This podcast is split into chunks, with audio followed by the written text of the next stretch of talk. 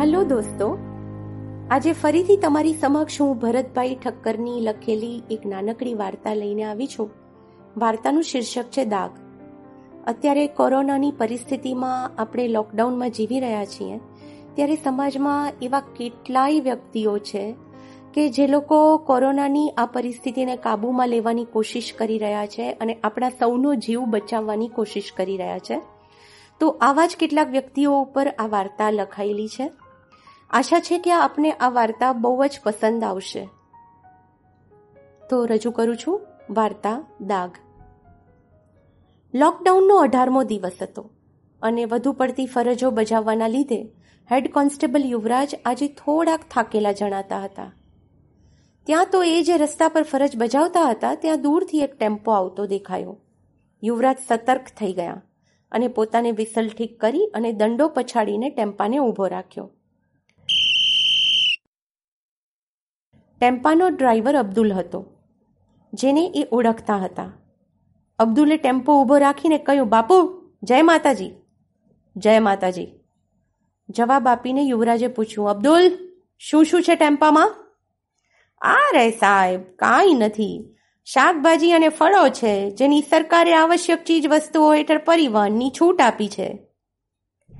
અબ્દુલ વિશે યુવરાજને માહિતી મળેલી હતી. એમ નહીં આ શાકભાજી અને ફળોની પાટ નીચે કંઈ છે?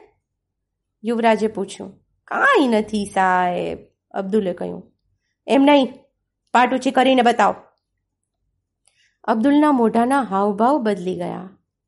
પાટ ઊંચી કરતા જ નીચે દારૂ ભરેલ બોટલોના ક્રેટ્સ, તમાકુના પાઉચ અને સિગરેટનો મોટો જથ્થો દેખાણો. યુવરાજની નજરમાં કરડાકી આવી ગઈ. શું છે આ બધું? કાંઈ નથી સાહેબ લોકડાઉનમાં બિચારા પ્યાસીઓની તડપ બજાવવાનું પુણ્યનું કામ કરી રહ્યો છું સાહેબ. તમે પણ આ પુણ્યના કામમાં ભાગીદાર બની જાઓ. એમ કહી રૂપિયાની એક થોકડી અબ્દુલે યુવરાજ સામે ધરી. બીજી ઘડીએ યુવરાજે સટ્ટાક કરીને એક થપ્પડ રસીદ કરી દીધી અબ્દુલને. ગડથોલા ખાતો અબ્દુલ પડ્યો એ પાટની પાસે જ્યાં દારૂની બોટલો પડી હતી. અબ્દુલ તરત જ ઊભો થઈ ગયો અને એક બોટલ દારૂની ખેંચીને તોડી નાખીને તેને હથિયાર બનાવી નાખી. સાહેબ, આ કાચની બોટલ તમારી સગી નહીં થાય. આરપાર નીકળી જશે. મને મારો ટેમ્પો લઈ જવા દો.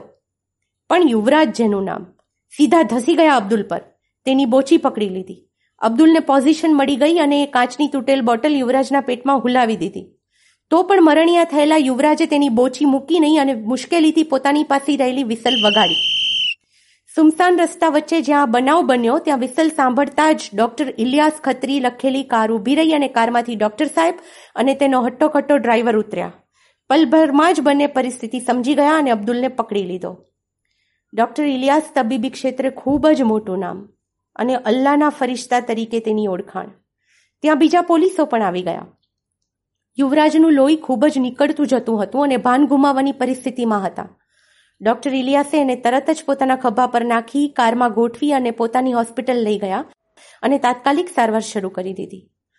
થોડી વારમાં જ યુવરાજે આંખો ખોલી અને ડોક્ટર સામે જોયું. સંતોષના એક સ્મિતની આપલે થઈ ગઈ બંને વચ્ચે. ડોક્ટર અને હેડ કોન્સ્ટેબલ બંને પોતપોતાના યુનિફોર્મ પરના લોહીના લાલ ડાઘ જોયા અને ફરજ નિભાવ્યાના એક ઊંડા સંતોષ સાથે બંને એકબીજા સામે જોયું. આ લોકો માનવતાના ચિરાગ છે. રાખે દેશદાજની આગ છે. યુનિફોર્મમાં ડાકતો પડતા રહે. ચરિત્રને રાખે બેદાગ છે. આ હતી નાનકડી સરસ મજાની વાર્તા આ લોકડાઉનના સંદર્ભમાં. આભાર મિત્રો.